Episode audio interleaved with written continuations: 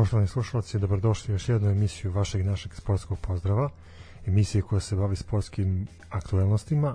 Danas smo u nekom raspoloženju malo bolešljivom, ali izdržat ćemo sve ovo. Takav je period iza nas. Da. A kada smo kod perioda iza nas, eh, kompletirali smo odigrane neke utakmice, a druga stvar, ušli smo konačno u reprezentativnu pauzu, dugo očekivanu. Dalje, I svima- konačno ili... i svima nam omiljeno. Ne, ne, ne želimo reprezentativnu pauzu. Ne, znači katastrofa. Ovaj prvo, ovako, pozdrav s moje strane, nismo, nisam bio tu prošli put ovaj, kada je Zgro gostovao, ovaj, što moram priznati da mi je jako žao. Ovaj, a evo, danas se, večera se unapred izvinjavam što će ovako biti malo bolestan i pričati kao lepa brena kroz nos ovaj, možda se zakašljati u pojedinim momentima, a to neće biti da se naglasi nešto bitno. Sam, je- samo da se zna, poštujemo mere Da, udaljenost je Da, jedan, udaljenost je više od metar. jedan metar ima između nas. Ovaj, tako da ja sam po terapijom, bit će to sve okej. Možda nam treba i neka druga terapija, ali to sad o tom, o tom potom. Kao što si rekao, ovaj, ušli smo u ovo novo kolo, jel, prvo za ostalom utakmicom između radničkog u Nišu i Metalca. Ovaj to je za ostalo utakmica 10. kola. Uh, nerešeno na Čairu. Um, ja sam gledao ovu utakmicu prvo poluvre, prvo prazan stadion, što je jako tužno. Ovaj i tek onda kad vidiš kada je onako sablasno prazan, koliko zapravo vapi za rekonstrukcijom i koliko u lošem stanju se nalazi. Pritom treba da znamo da je stadion Čajer u Nišu ima određenih problema i ranije, ali da je došlo do nekih šminkanja pre par godina izgradnjom druge tribine koja je bila modernija, ali eto, neodržavanjem Naravno, i zapušteno. neulaganjem došli smo tu gde gde smo sad. jako, jako zapušteno.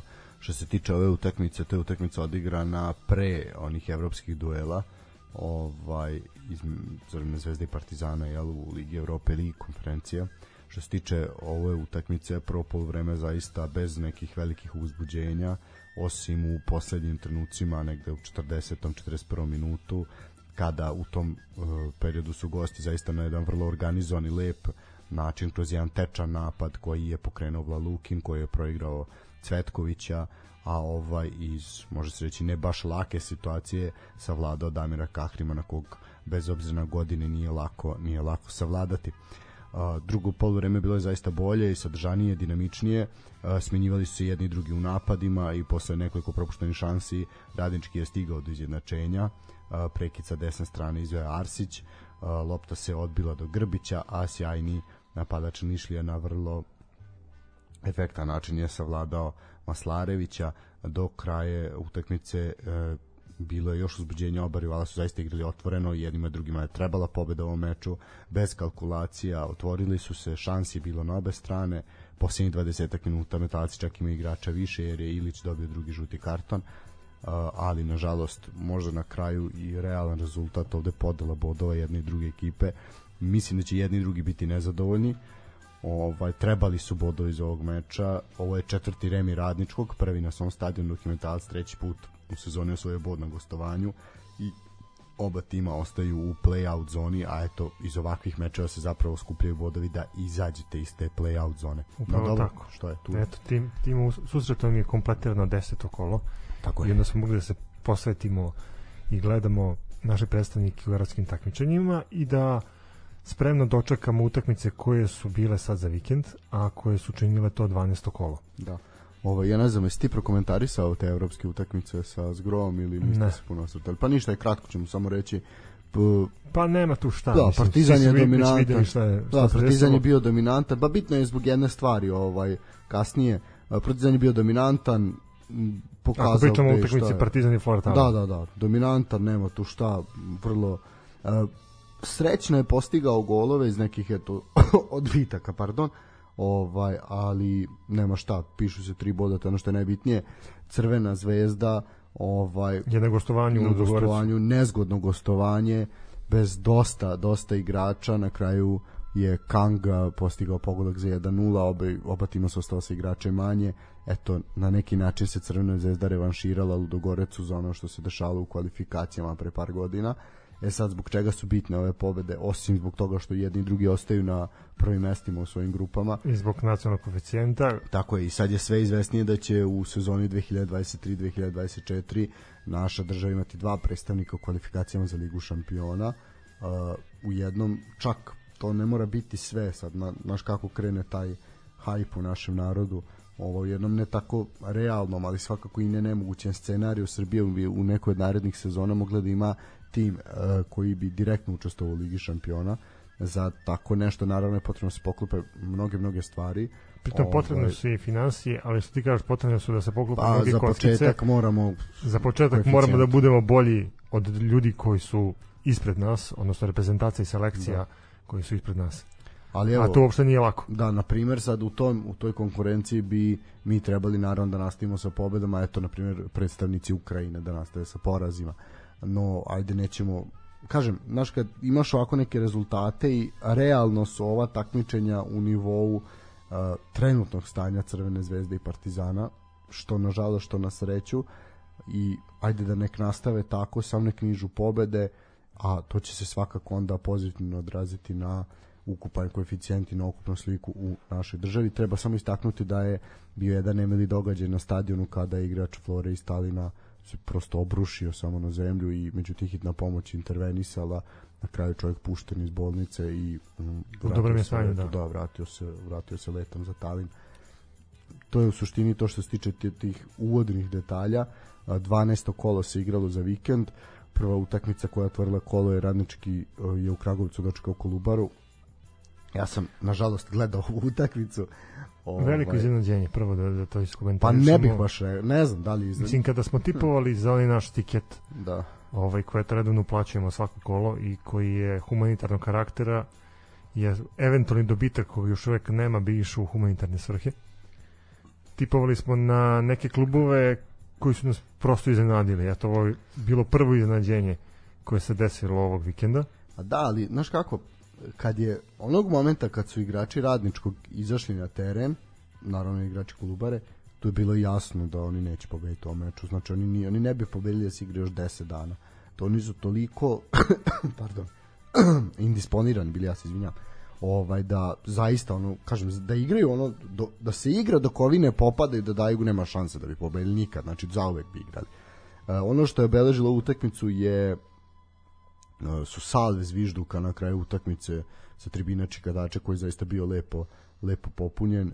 Skandiranje Slavko odlazi ovo jasno slikava šta navijači radničkog iz Kragujevca misle o igrama svog tima. Pritom se misli na Slavka Perovića jednog sportskog direktora. Kragujevčani su doživjeli eto šesti poraz u sezoni od kojih četvrti na svom stadionu. Radnički zaista ima probleme u igri pa najveći problem je tome što je Marko Mirica koliko 37 godina najbolji igrač to ti je odmah jasno gde, gde je problem. Uh, četvrti meč u sezoni odigrao su bez postignutog bar jednog pogodka s druge strane eto Kolubara je prekleo niz od tri poraza. Danas je igrala bez klasičnog centralnog beka znači to je zaista onako raritet. Zaista Kolubara se muči sa tom pozicijom u odbrani imaju najmlađi bekovski par o tome smo već pričali. A eto sad danas su igrali bez bez tog centralnog beka, tako da, eto, šta da kažemo. Pa ništa, ve, veliko iznenađenje za, za Kulubaru. Da, samo reći... Vratili su se u Lazarevac sa tri boda. Tako je, Đuranović bio strelac u 49. minutu za 1-0, uh, Radnički tu napada, mučio se Kulubara isto tako i onda jednom kontrom je Bogdan Mladenović stavio tačku na i u 90. minutu čovjek je povukao loptu sa svoj, ono, svoje polovine i jednostavno matirao golmana i tu više nije bilo razmišljanja i dalje priča o tome. Pa narodna utakmica zapravo pre utakmice se pojavio spisak. Dobro, to ćemo ćemo to nakon, posebno. Možemo da, nakon da, ajde da, idemo da, idemo derbi kola. E, derbi kola desio se u Bačkoj Topoli gde je domaći TSC dočekao ekipu Čukaričkog i može se reći nekom čudnom situacijom uspeo da izgubi tu utakmicu. Čukarički je dobio pa da, Čukarički je dobio TSC rezultatom 2-1. Da, ovaj, što se tiče ove utakmice, derbi svakako 12. kola, a, zanimljivost je to što su obe ekipe sa klupe predvodili bivši kapiteni Partizana, je domaća ekipa od Mladen Krstajić, a drugo je Saša, Saša Ilić, da. uh, bivši reprezentativac naše države skrivio je penal uh, za 2-1 a pogodio je stativu u 90. minutu i može se reći svakako da je tragičar uh, što se tiče nekog kvaliteta ovog derbija uh, šta, mislim ono, sad ovde imamo dve strane medalje. S jedne strane zaista ovaj naša liga ovaj pored Zvezde i Partizana ima, Ima, ima, ova da, dva da. tima koji predstavljaju neki kvalitet ali u ligi, a u neku ruku kad pogledamo kako su oni igrali ovu utakmicu i koliko je bilo tesno na terenu, pamte se i bolje dani, da. Ali u- očekivali smo više. Pa da, ali mislim naš s jedne strane sad, ajde ako si nezasit, ono onda je da u redu, bilo je boljih dana, ali u ovoj prvoj trećini šampionata koliko je prošlo, ovaj se igraju zaista dobre utakmice i utakmice vredne gledanja. Ja mislim da je ova utakmica bila vredna gledanja, što pokazuje i skoro pun stadion opet u Bačkoj Topoli i, i vreme je poslužilo što je svakako bitan preduslov u našem narodu. Uh, borba za treće mesto eto između TSC i Čukaričkog uh, do poslednjeg sekunda se nije znalo kako će se završiti kao što sam rekao Strajković imao šansu u 90. minutu. Bilo je šansi zaista na obe strane. Uh, domaćin je nastavio taj trend da na svojim mečevima ima dosta golova na obe strane. Uh, eto ekipa Saša je kao gost odnala ceo plen ovaj, na kraju. Uh, dolazak tog Rajkovića je zaista odjeknuo u našem futbalu i definitivno se u ove prethodne dve utakmice TSC sve vrtelo oko njega protiv Vojvodine bio heroj unak postigao je pogodak donao je triumf jel?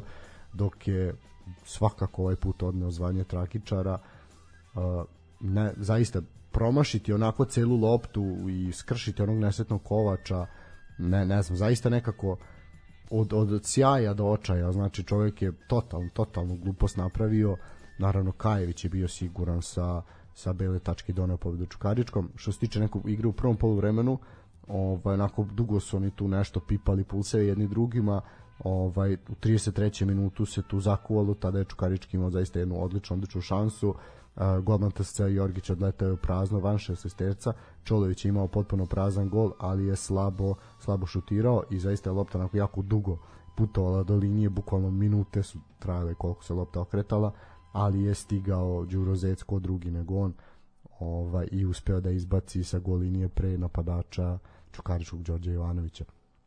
U tom sudaru Zec je zaista ovaj, jako udario najboljeg strelca Beogradskog tima kojem su stradala rebra pa je eto Đorđe Ivanović sa na nosilima iznad sa terena i odvezen pravo u bolnicu i mi naravno ovom sjajnom talentovnom pre svega i fantastičnom napadaču želimo brzo poravak i što, što brže da nam se vrati na teren u punom sjaju Što se tiče ovaj samo toku utakmice Čolović kasnije popravio, natječaj na odbitak na ivici 16 terca i pogodio u samog zavodstvo Čukaričkog. Što se tiče TSC, odgovorili su čime je počelo drugo poluvreme. Mladi napadač Ratkov je na centar šut reagovao onako kao u stilu uh, Mitrovića glavom, udario loptu, ona je pobegla od golmana Petrovića u samom svetivu za 1-1. Kao što sam rekao, Kajevica penala u 62. minutu za 2-1, Rajković promašio šansu u 90. za izjednačenje. U suštini, dobar derbi, može i bolje uvek, Ja ali kažem, ja dobro. sam očekivao malo više, ali dobro. Šta da se radi? Tako je, tako je kako je. Zavisi, naš, zavisi šta, šta očekuješ, znaš, to sad, naš ko očekuje malo... Pa dobro, znaš kako, ako gledaš utakmicu da gledaš da ti bude fino, lepo, prijatno, onda očekuješ nešto više. Bar ja tako gledam iz svog ugla. Ako očekuješ ono kao iz ugla navijača Čukaričkog ili TSC da tvoj tim pobedi, onda je bilo i razočarenja, a i bilo je razloga za zadovoljstvo.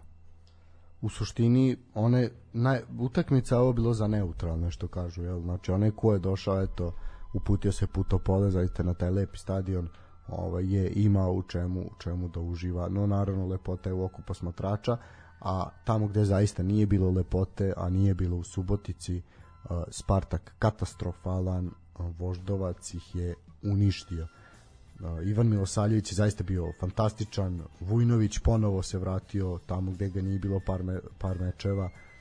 Očitali lekciju Spartaku, zaista direktan futbal, napadački. Znaš kako Spartak je krenuo utakmicu silovito, imali su par nekih šansi, ono trenutku kad su primili prvi gol, Sve se situacija se menja, da, sve apsolutno se raspalo. sve se raspalo. Dobra utakmica, iz ugla Voždovca naravno, na nivou zaista onako evropskih. Spartak jeste imao, kao što kažeš, svoje neke šanse, ali je za svaki svoj promaš je bio zaista surovo kažnjen. Subotičani su u seriji od četiri poraza, posljednja dva kola primili su devet golova. Treba istaknuti da je Voždovac promašio i penal, ovaj, zaista bi ta pobeda bila više nego ubedljiva. Stanisavljević bio prvo, prvo strelac u 31. minutu, onda Vujnović u 36. i 72. da bi ponovo uh, Filip Stanisavljević bio strelac u 78. Kao što smo rekli, Voždovac je promašio penal, a ono što se desilo nakon o, ovog meča, to je da nakon o, tri uzastopna poraza i samo jedno, jednog osvojenog boda u prethodne yes. četiri runde Spartak je otpustio Spartak svog trenera. otpustio svog trenera i još uvek ne znamo ko će biti njegov naslednik. Pa imaju sad vremena da razmisle dobro. Pa ne, 10 dana. ne, ne vide, da. Pa zapravo trebalo bi ga što pre imenovati da bi mogo da se da, da se, se sa ekipu. ekipom za ovih 10 dana, tako ne treba puno čekati a sad vidjet ćemo koga će, koga će tu naći. No, ajmo dalje. Dalje idemo na utakmicu između radnika iz Surdulice i Proletera iz Novog Sada. Proletar je odneo tri vode iz Surdulice. Utakmica je bila onako zanimljiva. Pa dobar meč. Mislim, opet, dosta otvoreno su igrali ovaj superligaši ovog vikenda. Uh, najzanimljivije je svako bilo u posljednjih 15 minuta. Uh, Proletar je došao do pobede golom Tomovića, momka koji je do prošle zime eto, igrao Srpsku ligu pre toga je radnik ostao sa igrače manje, što je gost, gostima zaista ovaj, i olakšalo posao. Ipak sa igrače manje Surduličani su mogli doći do boda, ali je penal Spasića 5 minuta pre kraja odbranio fantastični Petrić. Proletar je ostvario treći vezani triumf, četvrti ukupno u sezoni, dok je radnik osvojio samo bod u poslednjih pet odigranih mečeva i sada se polako nalazi u problemu, vidjet ćemo koliko će im prijati reprezentativna pauza što se tiče uh, narednog meča, e to je sad meč koji se oko kog se podiglo najviše halabuke i u kom ćemo mi svakako najviše pričati. A između ostalo i meč koji je mogu da se svrsta u, jedno, da kažem, dve najzanimljivije utakmice, barem na papiru, kada pogledate da. kvalitet ekipa i kada pogledate njihove formu. Zaista koju su imali do tog, do tog momenta, na kraju smo dobili ništa. Osim par nekih situacija u kojima je pa sad, eto Partizan da. odneo tri boda. Na terenu ništa posebno. Na terenu ništa posebno ali na tribinama je bilo posebno i na zapravo standardno i na ono svemu što se dešavalo nakon same utakmice. Što se tiče samog futbala slabo, zaista slabo za u tog momenta, do tog momenta uh, prvopla, još uvijek prvoplasirane ekipe i napred koji je bio treći, ako se ne varam, Ovaj da, napredak je zaređao sa dobrim rezultatima i u, u tim euforičnim situacijama su i, i dočekali Partizan. Kao što i sam rekao, stadion je bio stadion je bio pun, pun. i stvarno moram da pohvalim ljude koji su taj dan iskoristili i otišli da gledaju utakmicu. Takođe mogu da, da, da damo određenu kritiku futbolskom klubu Napredak na organizaciji meča i to mahom na ljudima koji rade o prodaju karata jer je neminovno da imate problem koji traje, ali da ne vidite taj problem. Taj problem se održava u tome da je jedna blagajna radila i da su svi ljudi mogli da kupe samo na jednoj blagajni Ti zaista misliš da oni ne vide taj problem? Pa ne, ne vide, pa, pazi, znaš, a, prvo ne, ne zanima ih druga stvar, ti znaš da tebi samo tebi se napuni stadion kada dođu Zvezda i Partizan. Tako je. Ali znaš ono kao mogu si da angažuješ nekog volontera ili nekog drugog neko drugo osoblje Tako da je, pomogne da bi se taj problem što više ovaj klonio. Tako je. A sad zamisli situaciju. Znači još uvek se na naše stadione ulazi samo sa kartom. Šta će biti ukoliko se odluči da se da su uz kartu potreban negativan test ili e, potvrda o vakcinaciji i tako dalje i tako dalje. Znači, šta će onda biti? Ne može, mislim, ne može tako. Zaista, ako znaš već što ti kažeš, znači, naravno kad dolazi Partizan da se očekuje više hiljada ljudi na stadionu, Crvena zvezda takođe. Znači, onda moraš organizovati tako da to, da to ima nekog smisla, da kažem, znači, ljudi su, ljudi su kupovali karte. I stvarno su pokazali na taj način da poštuju i, i sam čin utakmice i poštuju organizatora. Ali organizator im nije izašao u susret da tu situaciju olakša. Znači, ako ti čekaš, ja znam, eto, moj prijatelj je čekao sat vremena u redu da bi kupio kartu za meč. Pa mislim, ono, za, pazi, za, za, za Super ligu to. Da, za Super ligu, za meč između napretka i Partizana, da nakon što stojiš sat vremena u redu, kakva ti je želja da želja da gledaš, da gledaš fudbal više presedne ti sve. Znači, e, I onda dođeš na tribinu, gde te redari dodatno pretresaju tražeći određene znakove, simbole. Jer, mislim, ovo smešno zvuči. A man, pa nije smešno, to je, to je žalosno, ali da. Obzirom da nije bilo zvaničnih navijača Partizana i da Partizan kažnjen, da. da. Mislim da u četvrti meč koji su oni odradili. Ja mislim da je četvrti, svojih, da, četvrti, četvrto gostovanje, da. Četvrto, ali četvrti je protiv TSC, nije ovo četvrto. Nije, pogledaj, znači išao Novi Pazar, kada su ne, dobili kaznu. Novi Pazar su dobili kaznu. Znači imao si e, Kolubaru. Imao si Kolubaru u Lazarevcu, imao si Radnički, Radnički imao si Lučane. I napredak. Da, I napred četvrti. Četvrti, dobro, da, pravo su. Ovaj, sve u svemu... Znaš da su ljude vraćali zbog, ne znam, vraćali su dete i oca koji su imali simbole partizana na na majicama, znaš, kao, ajde, to je... Mislim, to su, to su ono neki... Ali dobro, okej, okay, da, poštujemo tu da, odluku, ali stvarno mogli ste to da mislim vrlo je jasno zna se šta, šta znači organizovano navijanje, a šta, a šta su znači simpatizeri naravno. Ovaj ako nema organizovanog navijanja, to znači organizovanih navijača, ne navijanja, ja se izvinjam.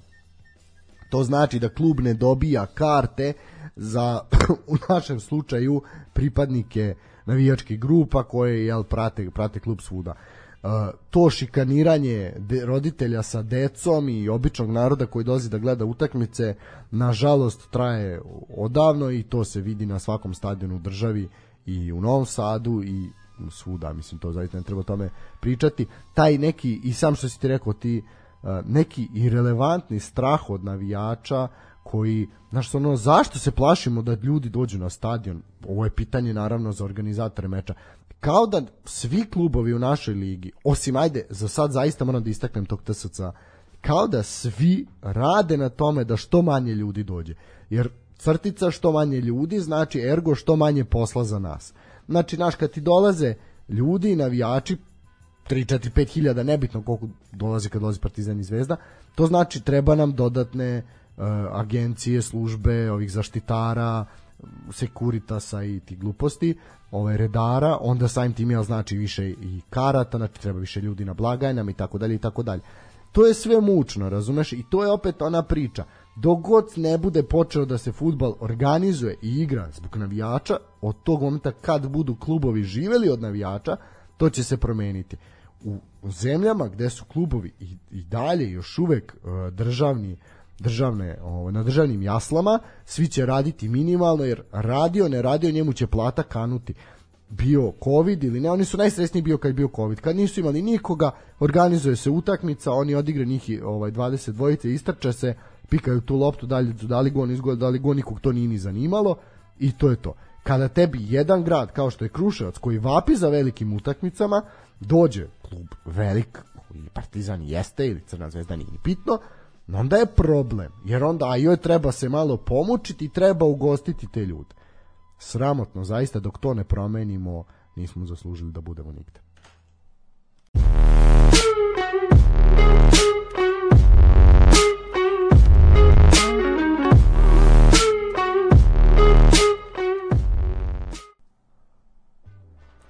Vraćamo se u program nakon male muzičke pauze. Da, ajmo da prokomentarišemo sad sam, sam futbol, ovaj, što se tiče, ajde, pričali smo o o organizacionom delu. Ovaj, kako se tebi činio futbol? Pa nikako. Uh, ono što je obeležilo su crveni što, kartoni. Da, upravo to. I penal. Crveni karton i taj penal po meni ispravno dosuđen. To, da, nije sporno dosuđivanje. Sad, kako je tebi činilo se to izvođenje i to vraćanje? Pa da li se dugo čekalo na VAR? Pa nije. Mislim da nije. Znaš kao, aj sad gledam, to je neki moj subjektivni osjećaj, ali mislim da nije bilo dovoljno da kažem, ajde.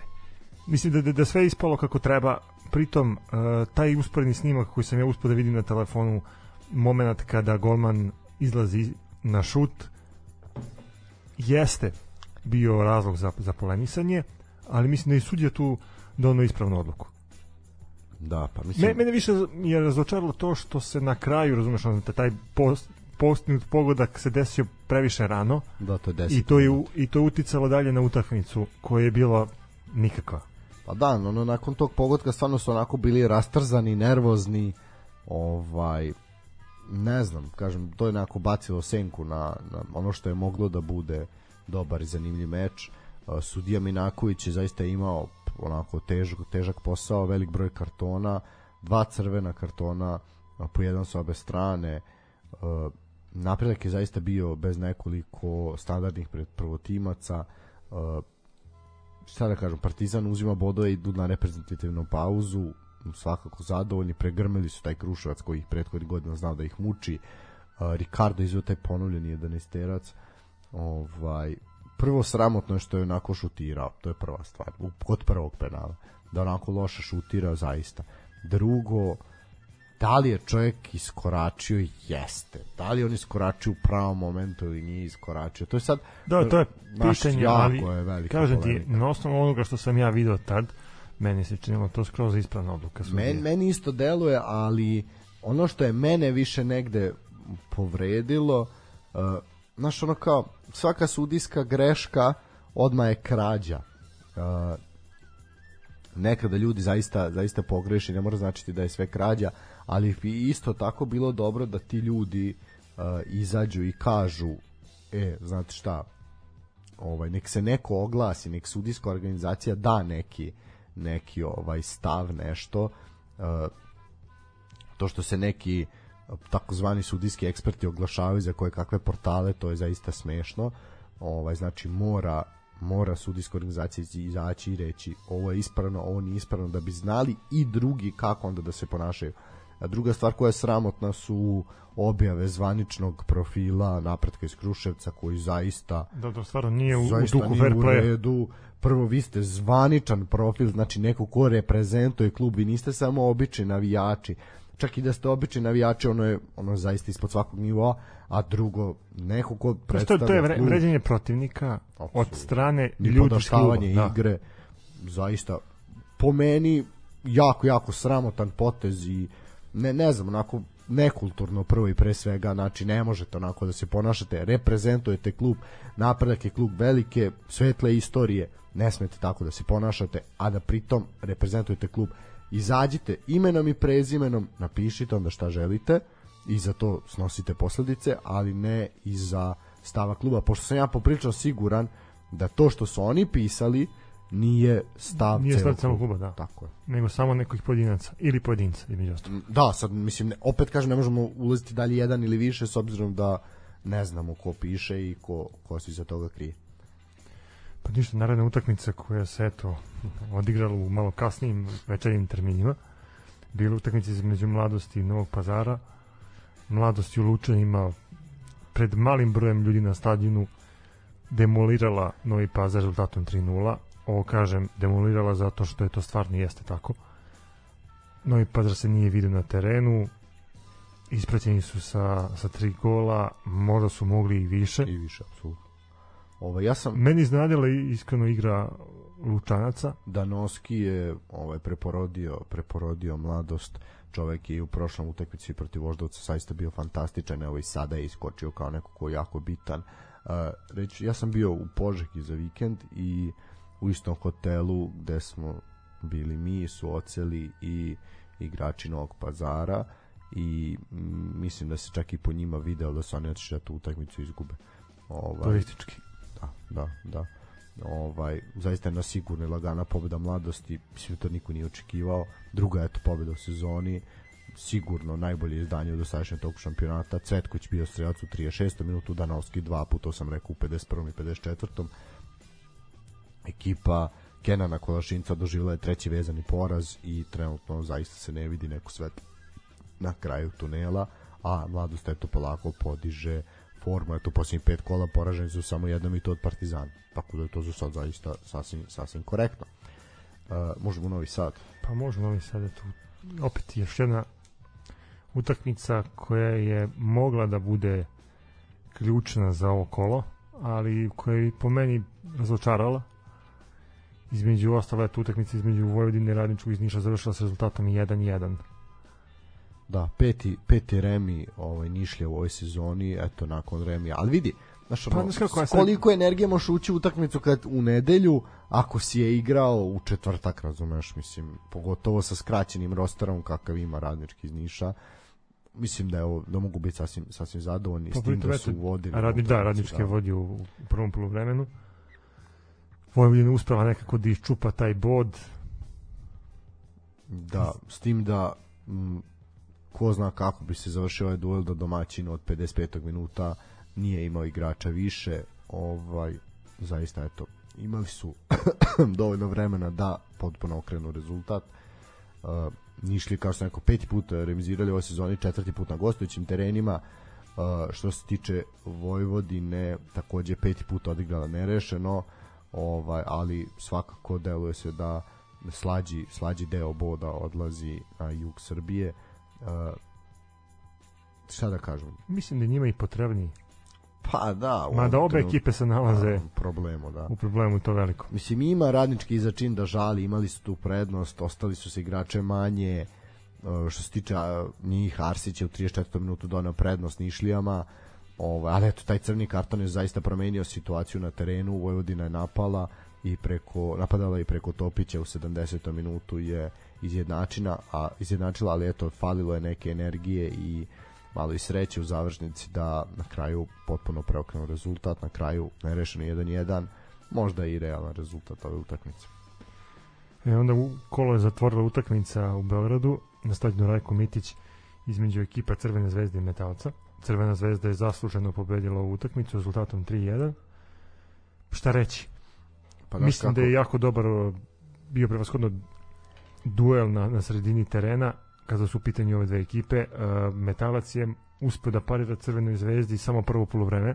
Tako je. Zapravo do, do momenta pardon, do momenta kad su primili taj drugi gol, da, da, znači kad je Ivan izdao za 2-1, nakon toga se zaista raspala igra metalca i onda je ono predali su se u tom momentu, nisu imali verovatno ni snage za više.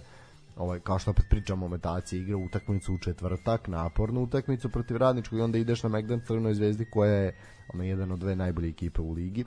Pritom nisu se predavali, ne, stvarno su naravno. pokazali svoj kvalitet. Ali je svakako jednostavno taj kvalitet nije bio dovoljan da vi pobedite ili uzmete bod Crvene zvezde. Uh, što se tiče uh, prvog poluvremena Zvezda onako do nekog taj fal koji je postigao taj pogodak u 10. minutu nakon eto akcije sa krila ovaj vraćen u sredinu čovjek je šutirao bilo je to još nekoliko sporadičnih pokušaja ali sve je to bilo nešto jalovo pored gola čak i sa nogo nešto pokušao to tako traljav šut bio Stuparović je značio na 1-1 u 40. eto pojačanje ponovo postiže pogodak 63. Ivanić nakon sjajne akcije opet i ubacivanje u peterac je bio brži i spretniji od svih i onda je tu su se ređale šanse kao na traci. Onda je, su svi šutirali, svi su bili blizu pogotka, a na kraju je Kanga stavio tačku na kraj rečenice za nova tri boda u 94. minutu sa penala.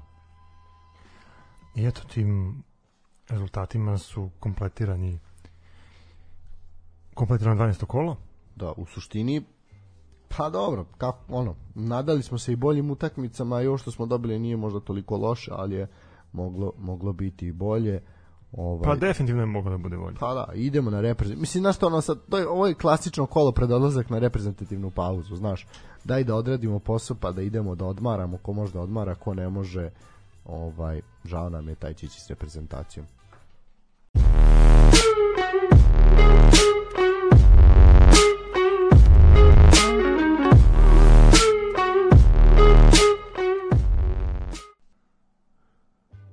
E pa možemo da krenemo na tabelu. Hoćemo dozvoli od ispod. Prvi put i to mene pitaš. Evo za 49. epizoda. Ajmo od gore. Ovaj, ovaj, ove sezone idemo zaista od gore. Ništa. Pa uvijek idemo od, od, od, od pa, gore da. manje više. Eto, prvo mesto i dalje suvereno drži Partizan. Partizan da. 34-3 ima... gol razlika, zaista fascinantno. Da, 31 osvojen bod. A, prati ga Crvena zvezda. Koja ima dve utakmice manje i dalje. Da, i skor od 26 poena, odnosno bodova, uz gol razliku 21-5, uh, Čukarička na trećem mestu sa 20... Pa preuzeli su to od napretka. Pa da. Uh, Čukarička na trećem mestu sa 21 osvojenim bodom i gol razlikom 16-11, a iza se nalazi TSC. Da, valja napomenuti da su svi oni sa utakmicom manji. Pa da. Znači, prvi, prvi koji ima kompletirane, sve utakmice odigrali je napredak koji je peti sa 12 utakmica. Znači, svi ovi, nekome fali po jedno, nekome fali po dve.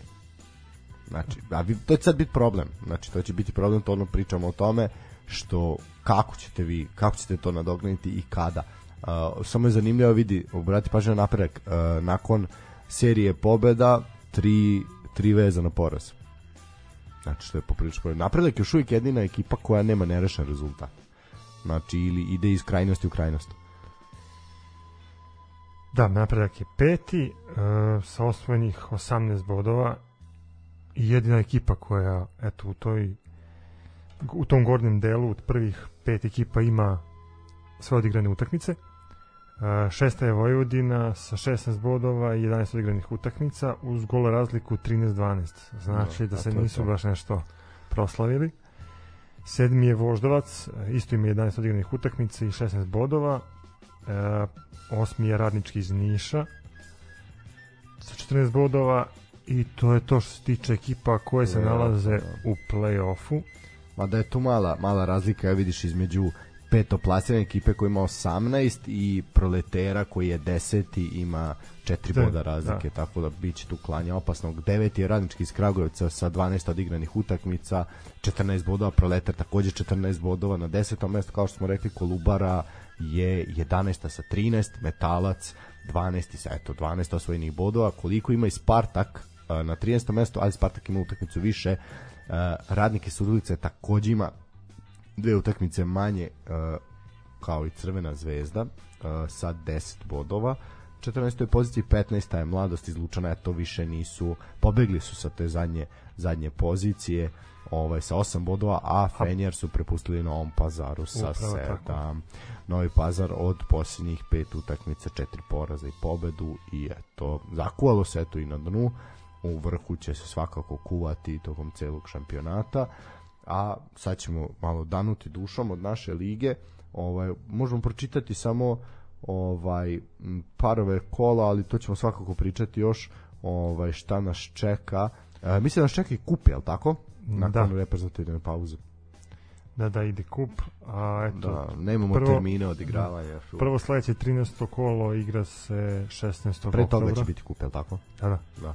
Znači, uh, nema još uvijek termina odigravanja ovaj svakako je prva utakmica koju ja ovde vidim je Čukarički Hoćeš Vojvodina. Hoćeš da, da pišeš? Pa hoću, ajde. Mada je rano, ajde, ali ne veze. Čukarički Vojvodina, zaista zanimljiv duel može biti i ja ovde očekujem pobedu pobedu Čukaričkog. Šta ti kažeš? Pa isto. Znači, pišemo Čukarički Kecko vrata. E, Voždovac napredak? Uf, pa ja isto mislim da će Voždovac ovo iskoristiti i uzeti sva tri boda. Eto, nek bude x napredak. Da. Što misliš da bi napredak mogao da uzme boda u Voždovcu? Pogotovo na krovu.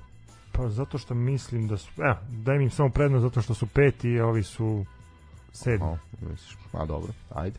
E, Zvezda ide u Lazarevac. U, to, to će biti interesantno, ali svakako tu očekujem zvezdnu pobedu sa možda tri gola. Znači stavi 1 i 3 plus. On 2 i 3 plus, da, da. A ja ću staviti ovako 4+. Plus. Dobro, metalac mlado slučajni? Oh, to mislim da će metalac rešiti uspešno u svoju korist. Moraju ovakve mečeve da dobiju na svom terenu ukoliko žele da da pobed, da učine bilo šta zapravo cimelje da uđe u play-off, tako da mislim da se ovde ta lepa serija mladosti završava. Pa eto, nek bude, pa šta znam, nek bude od 0 do 2. Pa to nije isključeno svakako. E, Novi Pazar Spartak. U ovu utakmicu me baš zanima kako će se završiti, obzirom da je Novi Pazar poslednje plasirana ekipa na tabeli trenutno, a, a Spartak, Spartak koji je nokautiran. Upravo, to je Spartak bi trebalo doći sa novim trenerom. kako, da kako će ova reprezentativna pauza da utiče na raspoloženje u Znaš kako, ja mislim da će Kenan svakako ovaj, Ken Košinac sastaviti malo ekipu Novog pazara za vreme ove pauze i da će se malo trgnuti i mislim da ovde će odigrati pritom dobro, se, dobro. Pritom se vraćaju navijači na i to je jako bitno. Na tribinu, tako da ovde bi čak bio mm, bio bi optimističan pa bi možda čak dao prednost Novom Pazaru. Dobro, i ja ću isto pisati Kesa Novi Pazar. E, pa Partizan, Partizan Radnik. Očekuje Radnik iz Surdulice, da. To je mi e, je samo pitanje koliko će biti golova na utakmici, ali eto, nek bude 3+. Plus. Dobro. Proletar TSC, opet vojvođanski derbi. Da, jedan manji vojvođanski derbi. Mislim da ovde TSC mora da uzme bodove bez razmišljanja. Pa, Ne, Mislim mislim, da- mislim mnogo su kvalitetnije ekipa, malo i oni imaju sad neku krizu igre i pa rezultata. jeste, ali Proletar se polako diže. Šta znam, opet igraju na, na domaćem terenu. Znaš, to je sad opet pitanje koliko će im prijati pauza. Ovaj, TSC ima mnogo igrača koji će se raštrkati po obavezama, a, proletar ne toliko, vidjet ćemo sad tu. Sve zavisi kako kome bude prijela Eto, ja, ja tipujem na, na Proletar nek bude Janix. Dobro, ja sam stavio dvojku. I poslednja utakmica između radničkog iz Niša i radničkog iz Krakovica. Duel dva radnička. Ko će se radovati? Ko, mislim, sigurno će se radnički radovati, samo je pitanje koji. Jel? Ili možda neće. Pa da, možda, da, da mi se ne raduju ni jedni ni drugi. Pa ne znam, eto, Pa ne, pojma, aj prednost bih ja dao Nišlija. pa samo zbog toga što su u boljoj poziciji u odnosu na, na Kragujevčane. Ja stavim kec. Eto i Kragujevčani su ostali bez ovaj bez važna tri boda u prošlom kolu. Pa i ovi su isto, da, isto. Su, su suštini u sličnoj Pa. situaciji. Ovo će biti jedna... Ovo je utakmica za ponedeljak u 4 sata, ovo, ne, ovo će biti zaista ono, nikog živog neće zanimati. Šta kažeš, šta pišu? Pa ništa piše Janix na, na radnički iz Niša. Na Merakli. Na Meraklije. Imamo, kao što smo rekli, i uh, raspored u kupu, to ćemo svakako komentarisati. A što se tiče onoga što sada sledi sledeće, a to je reprezentativna pauza koju je izmislio Crko da Bog da. Znači, A zašto tako? A daj bre, koga to živo zanima, koga boli šta radi Luksemburg i Andora, ono kvalifikacije, Zelenorodska ostrova, Gabon, au, E, ovako- pičko, mate, ne zanima ni njih, a kamo nas. Ali dobro, ajde. E, ajmo da, e, selektor Dragan Stojković je izbacio spisak koji ćemo mi sad malo prokomentirati. Samo sekundicu. Znači, što se tiče rep stacija, devetog se igra protiv Luksemburga. Da, 12. A, kući 12. protiv Azerbejdžana. Dobro, što se tiče uh, ekipe na koju računa Savjeto Stojković, A eto, golmani su Dmitrović, Rajković i Svilar. pa realno to je to što imamo, mislim, nema šta. Kome, kome dati šansu od njih trojica? Ja bih protiv Luksemburga stavio Svilar. Pošto Pa ne? Pa da, a ovo je Azerbejdžana, onda može i Dmitrović i Rajković, mislim, on to, to, tu su po kvalitetu svakako. Pa i po trenutnoj formi. Pa, pa da, mislim, to je, oni su toliko slični, ovo slično izgledaju, obojice su i ćelavi, mislim, tako da ono, Samo ima malo dužu bradu, mislim Pa da da. Rajković. da, da. Ovaj, što se tiče... ima fotku sina sa Mesija. da, da, to mu je prednost. To ga kvalifikuje. Što se tiče odbrane, Strahinja Pavlović, Miloš Veljković, Stefan Mitrović, Uroš Spajić, na koga su ono zaborili i roditelji da igra futbal, Matija Nastasić, Nikola Milenković, ovaj, što se tiče odbrane, mislim, tu sve jasno, eto, osim tog Uroša Spajića, koji ja ne znam na osnovu čega dobija poziv za reprezentaciju, a dalje ovi svi ostali su opravdani, Vezned Mladenović, Mihajlo Ristić, Darko Lazović, Nemanja Gudel, Nemanja Maksimović, Uroš Račić, Saša Lukić, Marko Grujić, Sergej Milinković Savić, Filip Kostić, Nemanja Radonjić, Dušan Tadić, Filip Đuričić i Andrija Živković. Ovde ne, sve u redu, mislim, zaista. Zaboravio si Dušan Tadića. Rekao sam, rekao sam Dušan Tadić, Jesi, da. ja. Ovaj, Nisam da čuo. da, to je to u suštini. Ovo je što sve je korektno. To su Pa. ljudi koji su tu već dolazili. I igrali. napad već poznato. To nema šta. To Mitrović, predvode Jović, Mitrović, da. Jović i Vlahović. to je to. U suštini di beste. Ono što imamo u ovom momentu, to je čovjek pozvao. Dugo nemamo tu situaciju da se kaže, a zašto nije pozvan neko? Da li je moguće da se, ono, smo se ukalupili da eto imamo 20 igrača, to je to što imamo, svima je jasno.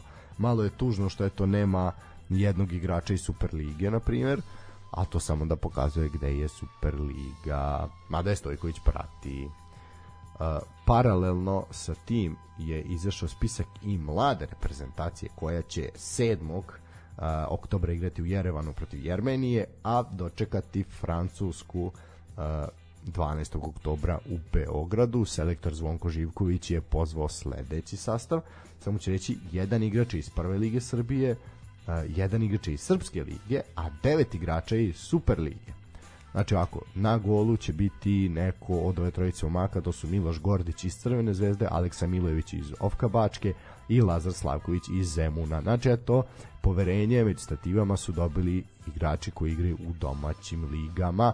Što se tiče odbrane, Svetozar Toza Marković ovaj, iz Olimpijakosa, Dimitrije Kamenović, Sava Aranđel Čestić iz Kelna, Marko Bijeković iz Vojvodine, dečko koji je zaista svojim igrama zaslužio poziv, a Zlatan Šehović pomalo zaboravljeni u Makabe iz Netanje, a, Damjan Daničić iz Istre, to je poprilično zanimljivo, Strahinja Eraković iz Crvene zvezde koji je zaista standardan u posljednjem vreme i svakako je zaslužio taj poziv. I Damjan Pavlović iz standarda iz Liježa će kompletirati tu zadnju zadnju liniju. E, kad smo kod sredine terena, tu imamo Ivana Milosavljević iz Voždovca. Armina Đerlika iz... Uh... E, tu bih te zustio. Na osnovu čega Armin Đerlik dobio poziv? Čovjeka nema na mapi. Niko je zaboravio. Pa mislim prvo je teško da izgovoriš ime kluba gde on Alumini, igra. Alumini, igra za Aluminija, Marinija. Ovaj, Aluminij. Da, ma daj bre, znači kakav Armin Đerlek, nemojte da se sprda. Pa dobro, možda je tu toj kategoriji zadovoljava neke kriterijume koje Zvonko Živković ima. A da krenemo dalje, imamo Ivan Ilić iz Verone koji poprično dobro igra. Da. Petra Stanić iz Crvene zvezde, Nikolu Terzića iz Partizana i Jovana Lukić iz Čukarička. To su, mislim, svi mislim ovi... da je poprično dobar sastav kada je u pitanju Absolutno. sredina terena. Mislim da su svi tu dobili zasluženo poziv. Ivan Milosavljević, eto i sad smo pričali o njemu zaista zasluženo.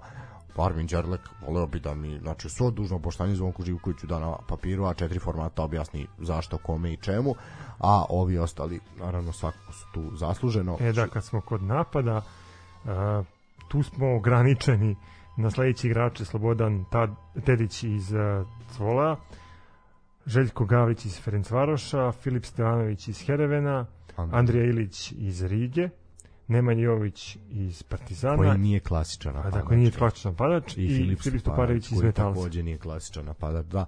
Pa tu zapravo osim Tedića, ja ne, ne vidim nekog klasičnog napadača, osim momci su više neka ofanzivna krila i polušpicevi. A da, pogotovo eto, Stevanović i Jović igraju na Slično, pozicijama da. sa Ta, strane. Na taru jedan drugog. Da. Pa i Stuparević isto tako, da. mislim, Željko ga, to su sve, mislim, sve slično no dobro ovaj vidjet ćemo sad. Interesno je iskreno u kom sastavu bi mogao Zvonko Živković da izađe i sa kojom formacijom. Pa ovo što nešto, vidjet ćemo. Mislim, pretpostavljam da će to biti standardno ovaj 4-2 uh, 4-2-3-1 verovatno ovaj sa el ta 2 dva zadnja vezna i dva krila i ta na naš s jednim napadačem ko, pošto ih više i nemamo tako da vidjet ćemo u suštini ali popričam zanimljiv duel će svakako biti ovaj protiv Francuske ovaj, u, u našoj državi tako da vidjet ćemo. Svakako zanimljivo. Što se tiče mlade reprezentacije što se tiče ovih seniora mislim a moramo se vratiti sa šest bodova ako želimo da idemo na to prvenstvo. Nema tu priče nikakve. Neke velike. Pa kad smo kod da se vratimo malo na selekciju Kako su naše šanse po tebi za odlazak na euro? Pa vidi, znaš šta tu svaka, svaka, mislim, pričali smo i o tome, svaka utakmica je ovaj sada ključna i mora se, moraju se uzeti uh, šest bodova iz ove dve utakmice da bi onda kada izađemo na Megdan Portugalu mislim i tu se zna šta, šta moramo da uradimo tako da je stvar poprilično jasna sve u našim rukama nogama o, nogama i rukama i glavama i ništa, momci, izađite na teren, pokidajte, borite se i ajde da idemo na to prvenstvo više, mislim, zaista je sad jako lepa, jako lepa prilika. I pritom da je prilično je mirna atmosfera pa nema da neke euforije. Da. A, da, a i u taboru Dragana Stojkovića. Pa mislim da Stojković ono, zna, zna da to odradi kako treba i da se ne digne neka halabuka preterana, jer zaista ono to ne može da ne može da bude ništa pozitivno, može samo da da napravi napravi problem. Ovaj videli smo kakav problem je na primjer taj medijski pritisak i uopšte pritisak navijača napravi Aleksandru Stanojević. Moramo prokomentarisati tu konferenciju za medije, ovaj plakanje plakanje Aleksandra Stanojevića. Znači to nije nije dobro jednostavno, kao ni ovo što šta rade s tim koji kakvim zvaničnim profilima određenih klubova, znači to jednostavno ne treba raditi sam tim ono samo stavljate dodatno ulivate nervozu dodatni pritisak sam ništa dobro neće izaći iz toga nikog nećete motivisati time. I meni je jasno da se to radi zbog ono jeftinih lajkova i toga da biste bili popularni na društvenim mrežama ali ajde ono da radimo nešto za neki viši cilj. Tako da idemo po šest bodova idemo onda u Portugal i tamo da pokažemo što znamo i ajde više da idemo na prvenstvo i završimo tu priču. Mislim da bi zaista bio red posle ono 20 nešto godina. Pa slažem se, volili bi da vidimo našu reprezentaciju Da. na euro, ali mislim da će to biti poprilično teško Pa vidi. i da ćemo morati kroz baraž da tražimo svoju sreću. Pa okej, okay, mislim vidi, i to je i to je sasvim korektno. Ako bude i kroz baraž, dobro, ali ajde da da daju sve od sebe, ne. Zašto mislim, mislim ono nije taj Portugal bogom dan, mislim, može se pobediti, naravno da ono. Ja ne vidim naš za neki ne ne, ne potrebe za nekim strahom niti prevelikim respektom. Pa nismo imali respekt ni u Beogradu, pa smo ih dobili, mislim. Tako da isto i ovo. Čemu, zašto? Ne potrebe, mislim. Ajde da igramo futbal i ajde i pobedimo i da završimo tu priču. Uh, ćemo mislim na pauzu ili ćemo odmah preći na basket? Pa ajmo na pauzu. Ajde, kratko pauzu.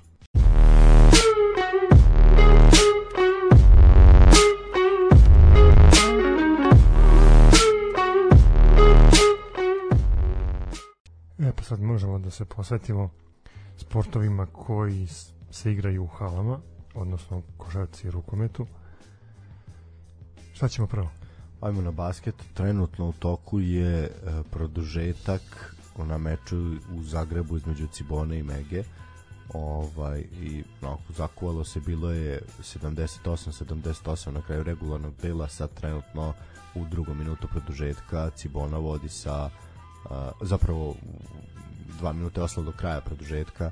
Ovaj prebacio sam se moment 86 81 vodi Cibona i ide ka pobedi. Crvena zvezda i budućnost svako igraju derbi derbi ovog kola i oni će svoju utakmicu početi od 21 čas. Što se tiče rezultata Borac je izgubio od Cedevita Olimpije 85-76 Krka je bila bolja od Mornara 9 razlike 89-80 FNP je savladao i Gokeo 89-81 ja sam ovo malo gledao bila je zanimljiva utakmica.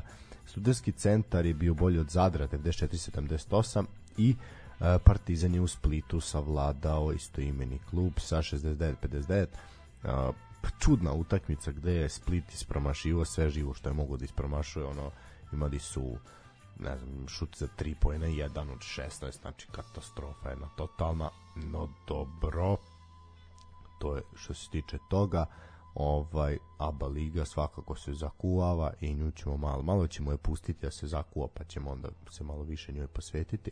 E, tamo gde mislim biće zanimljivo povod kad dođe sad posle ovog duela Crvene zvezde i budućnosti pa kad onda dođu dueli Partizana sa ova dva kluba onda ćemo vidjeti ko su, gde su i šta su e, tamo gde se baš nešto nije puno zakuvalo nego je već popričao manje više sve jasno ovaj, to je rukometna Superliga e, u grupi A su stvari postaju sve jasnije.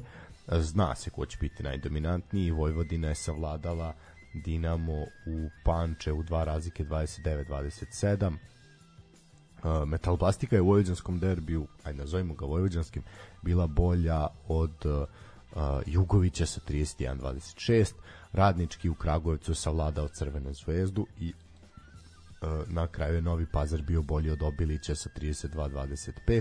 E sad, što se tiče tabele, Vojvodina je jedina u ovoj grupi sa maksimalnim učinkom. Uh, Dinamo je drugi, isto ima bodova koliko je radnički metaloplastika i to su za sada prve četiri pozicije koje vode u play-off. A, Crvena zvezda je, na primjer, poslednja bez bodova sa tri poraza, što je poprilično nešto što sam ja očekivao, a mnogi mnogi su me uveravali da to neće se dešavati, ali mislim ne može se preko noći ništa napraviti. Ovaj i još uvek ima ima puno da se radi u taboru Crvene zvezde. Jugović je takođe pretpostavljen s jednim bodom, to su onako neke očekivane, očekivane, očekivani rezultati i ishodi. Grupa B, e sad, E, kod grupe B to je malo situacija drugačija, nekako intenzivnije, su ekipe ravnomernije. pa sve osim jedne. Pa sve osim jedne, baš tako, eto, pa Rudar iz Kostolca igrao protiv Proletera. Nerešeno 29-29, uh, Železničar je izgubio od Mokre gore rezultatom 28-31. Šamont je na svom terenu dobio Subotički Spartak uh, rezultatom 27-25 uh, i Partizan je na gostovanju Dubočici u Leskovcu pobedio rezultatom 27 20, uh, 27 utakmica koja se naknadno igra je Mokra Gora i Šamot i onda će se odigrati 6.10. To je, to je za naredno kolo. Da, to je to je za naredno kolo.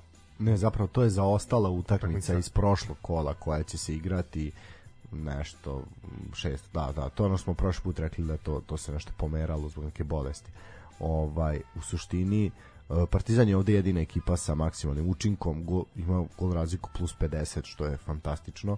Rudar ima dve pobede i jedno nerešeno. Ovaj, sa pet bodova Dubočica već je počela da štuca. Proletar takođe. Železničar koji ima zaista velike finansijske problema će najvjerojatnije i ostati pri dnu kao što se i trenutno nalazi na osmom mestu. Spartak će tražiti neku šansu, ali mislim da neće, neće dobiti. Pa, pogledaj, primjer, da, da ekipa koja se nalazi od petog do osmog mesta, Šamot, Mokra Gora, Spartak i Železničar stvarno tu i zaslužuju da budu. Pa da, mislim ono... Uz, bez podsnjivanja. Naravno, ni, ni, ni trunke, klubova. Ni trunke. Pogotovo što Železničar jeste velik klub, prošle godine su se tukli ono za, za titulu, ali ove godine zaista su u finansijskim problemima i jednostavno ne mogu, ne mogu više ne mogu više od toga jednostavno tako je, tako je kako je i ono igraju im deca što opet nije toliko ni loše to je zalog za zalog za neku budućnost uh, Volio bih da prokomentarišemo još samo jednu situaciju koja se desila preko vikenda, a to je, ne znam da li si video uh, aferu sa sudijama u regionu, ovaj, zakuvalo se. Naime, odigrala se utakmica između uh, Hajduka i Slaven Belupa, nije sviranje 11 koji se na varu vrteo, vrteo, vrteo, vrteo, 10 minuta su gledali, i ono, čudan je, igrač se zalete, ovaj postavio nogu, pa da, da li je bio, nije bio, nije ni bitno, to sad za pojentu priče, sudija nije svirao, kraj, ovi su dali gol na kraju, pobedili su, i onda, e, protiv Lokomotive, izvinja se, nije Slaven Belupa, ovaj, i onda, e, sudija koji je sudio taj meč, ovaj, je, e, pošto su ovi naravno skandirali ubi, jel, ono već kako to ide. Tradicionalni folklor. To naravno. Ovaj, onda su oni, čovjek jednostavno ono, bio besan i na nekog, ono, rekao je svašta preko Whatsapp poruke svom prijatelju koji ga je pitao ono, za mišljenje, svašta rekao za tog nekog novinara koji ga je napljuo i tako dalje i tako dalje, da bi te Whatsapp poruke izašle posle u javnost i čovjek je suspendovan sa suđenja, a vodi se kao najbolje rangirani hrvatski sudija, suspendovan je sa suđenja zbog Whatsapp poruka. Pa ti nije imao sreću kao danas da Whatsapp ne radi. Da, da, da. Između da. ostalog e, kao Instagram i Facebook, jer smo došli do, do pada na ovim društvenim mrežama. Mi ne znamo razlog, možda CIA bija KGB, a da, ali, bija ova naša, da. Da, ali eto, ajde, ajde ovaj... Ne, mislim, šta da kažem, ne pratim ja Hrvatsku ligu. Ne, ali sam taj, da, sam taj moment da sudijska organizacija reaguje, reaguje na da, da. komentarisanje da, suđenja. Znači čovek, šta sad to znači? Da čovek je ono ne sme da dođe sa posla, realno, i da... Pa ne, pa sad situaciju, čovek koji je, koji je član te sudijske organizacije sedi za stolom i jede i nekoga pita za mišljenje, on iskaže svoje mišljenje van terena da. i to neko može da iskoristi i da mu bude kasnije sankcionisan. Pa evo vidiš, znači, pritom, znaš ono, WhatsApp poruka nije zvanično glasilo ničega, mislim, ono, on nije izašao na HRT ili RTS ili sa nekim da. zvaničnim da. saopštenjem da kaže ne znam svoje što je njima zabranjeno da. jela ali mislim što ovo je poprilično onako ne znam naš da li je to smirivanje neke ono sad kažete da bi se navijači primirili ovaj ali zaista to je jako čudno da se na ovakav način kažnjavaju sudije i onda se zapitaš pa ni ni čudo što ni jedan sudija nikad neće ništa reći i što onako pognute glave ovo, izlaze sa terena uz svakakve uvrede i povike jer mislim zaista to ja, ja samo gledam, to je odlika celog ovog regiona da, mislim Ko, pritom kontraverza su takmičenja, kontraverze su utakmice, kontraverzi su događaji na na terenu i događaji van terena, ali opet sve to daje povoda pa i nama između ostalog da komentarišemo. Da, a još jedan bitan događaj je bio, to je protest navijača Crvene zvezde ispred stadiona. Da, što nisu navijali 20 minuta. Da, ali bio je i protest ispred stadiona. Ispred stadiona. Da, da, da, da. Pro, protest protiv uh, Oni su, su rekli, nezadovoljni potezima uprave, da. potezima, potezima uprave funkcionisanje, mislim da je okidač je svakako ono onaj sramotni skandal sa Fiorentinom i sve već šta, šta se radi, ali kao zvanično je da je problem što uh, Vučićeva slika stoji u kabinetu i tražili su, to je jedan od zahteva bio da se uh, slika predsednika skloni iz kabineta. Da li je to opravdano ili ne? Ne, to zanima. Aj sad, možemo, ok, aj, ovo, to je dobro, dobro pitanje. Jer ti, pazi, uzem primjer da je ranije u svim institucijama stajala slika predsednika. Tako je. I Imaš to je Tita, ne znam, ono Miloševića. Pa to je zapravo da, posle 5. oktobra sklonjeno. Ovaj, ali je sad sad to se polako vraća. Uh, s tim da Pa retro je uvek u modi. Da. Ovaj, s tim da je jako bitno reći uh, na primjer u, u Partizanu stoje slike svih predsednika koji su bili predsednika kluba koji su ono bili tu da kažem ovaj glavni. Da, koji su obavljali tu funkciju. Tako je, da. Znači od 45. do danas. I tamo nema Franje Tuđmana, iako neki misle da ima, ali nema, pošto čovjek nikad nije bio to. Ovaj, no nebitno, to je neka druga priča. Da bi Uh, moramo uzeti obzir da sećamo se ko je u ponoć upadao u prostorije kluba sa privremenom upravom sa Nebojšom Čovićem, Džajićem ekipom Zvezdanom Terzićem, pa njih je Vučić vratio. Ovo, samim tim Zor, ja ne vidim ne, razlog meni, meni za nezadovoljstvo. Da. Pa da, čovek je legitiman član uprave, zašto ga ne bi ovaj zašto ne bi držali njegovu sliku? Naravno, mislim. Da niko je pitanje gde bi bili da nema njega. To Ali pazi, ajde da razumem da drže jednu, nego drže više. Drže dve, jel da, da dve slike su tu. Pa dobro. To... Mislim, nekoga ko je mislim vidi da da ovaj predsednik Vučić navija za moj klub iz Futoga, ja bi okačio njegovu sliku u u, u kancelariji kluba, zašto da ne? Da, ono, znaš da ima ona slika sa šalom u loži gde se čvrsto stisnuto pesnica. Da. Zašto da ne? Ja bi bio ponosan da predsednik navija za moj klub ali ne navija tako da. Za OFK Futog ili za Ne mislim na, na za rukometni klub, na primjer Metalac, da recimo, eto ja bi bio zaista ponosan da predsednik bilo koje države, a ne samo naš, još naše, zamisli, u na svoje državi, zamisli da predsednik Zambije navija za moj klub, onda bi sigurno okačio sliku, nešto ne znam, govori na, na engleskom. ovaj, tako da, eto, ovaj, mislim, no ja ne vidim tu neki problem i protest, ne vidim poentu protesta. Ovaj, mada je uh, Svetozar Mijailović koji obavlja funkciju predsednika fudbalskog kluba Crvena zvezda rekao da će oni sesti sa navijačima i razgovarati. Što opet malo absurdno, jer znamo da navijači imaju predstavnike u skupštini, jel tako? I da, da. ono, se sa njima razgovara svakako o svemu. Tako da je malo to, malo im baš nije jasno čemu. Pa to je možda samo njegov izgovor da se izbegne vruć krompir koji je trenutno u rukama uprave futbolskog kluba Crvena zvezda. Opet navijači možda imaju pravo na to nezadovoljstvo. Ako pogledamo igrački, možda su očekivali jači skuplji tim, ako pogledamo šta su do sada dobili, igraju evropsko takmičenje, pritom su prvi u grupi. Da, prvi u grupi.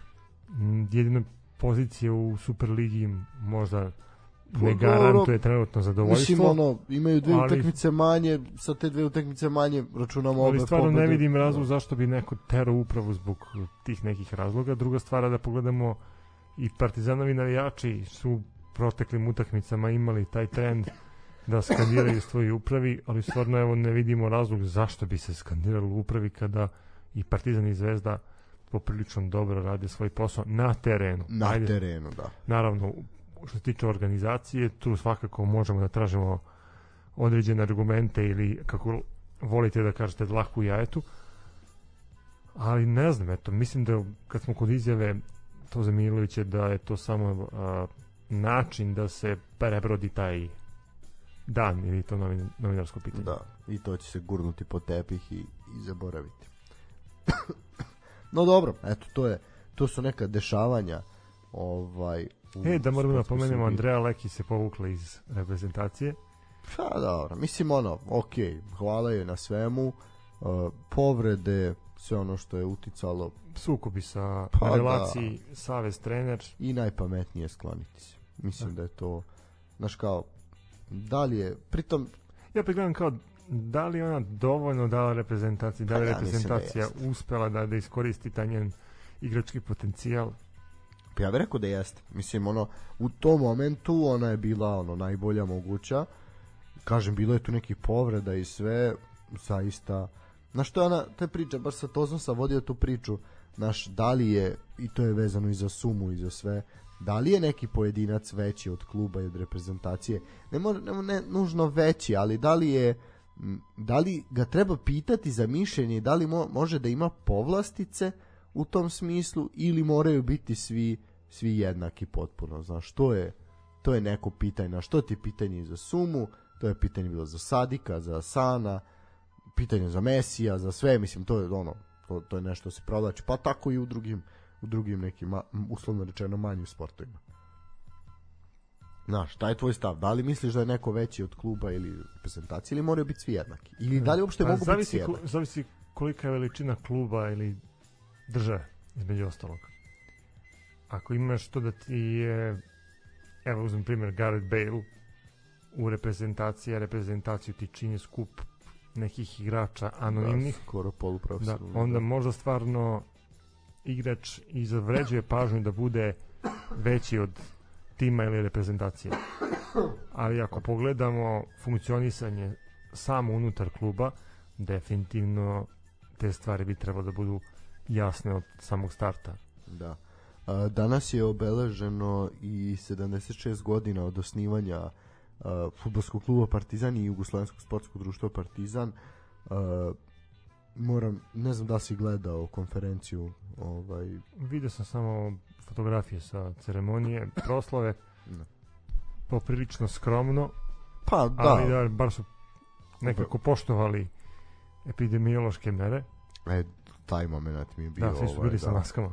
Da, ovaj, da, i do samoj najavi Bilja Obradović je vodila tu ovaj, svečano, da tako kažem. Ovaj, ona je to naglasila i rekla, eto, mnogi su pored nas imali koronu i na našu žalost su se svi izvukli. Meni je tu popričao, mislim, u Milorada Vučević koji nije trebao da se izvuče, ali dobro.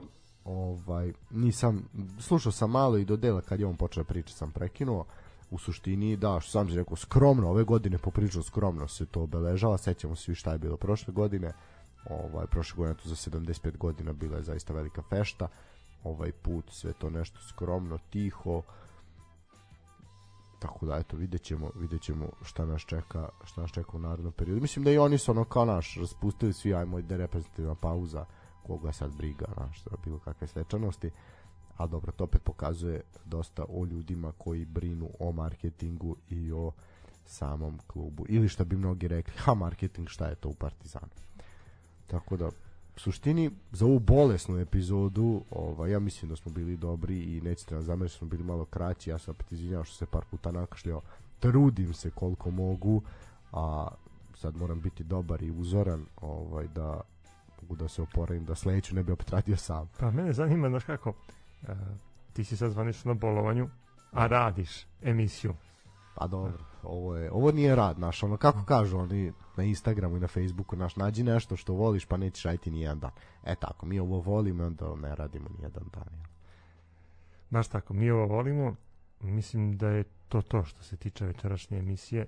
Pa da. Ako imaš nešto da dodaš, slobodno reci, ako ne, za uvek ćuti. Za uvek ćuti, ovaj, što je poprilično teško i zamisliti ništa. Ovaj, šta bih rekao, osim da, osim pozvao bih vas da ovaj malo pojačate naš Patreon, PayPal i svakako račun u banci dinarskoj vrednosti. Ako uplaćujete, sve informacije možete naći na našim sa, uh, profilima, na Facebooku, Twitteru, naravno čim se podignu i počnu da rade, na Instagramu, uh, uvijek stoji ta anketa koju možete popuniti, uh, pratite nas i na YouTubeu, sad malo, malo duže sad se čeka dok ne okačimo to na YouTube, dok malo to isečemo. Uh, svakako, kupite zgrovu knjigu, čitajte, dobra je. Ima svašta zanimljivo da se pročita.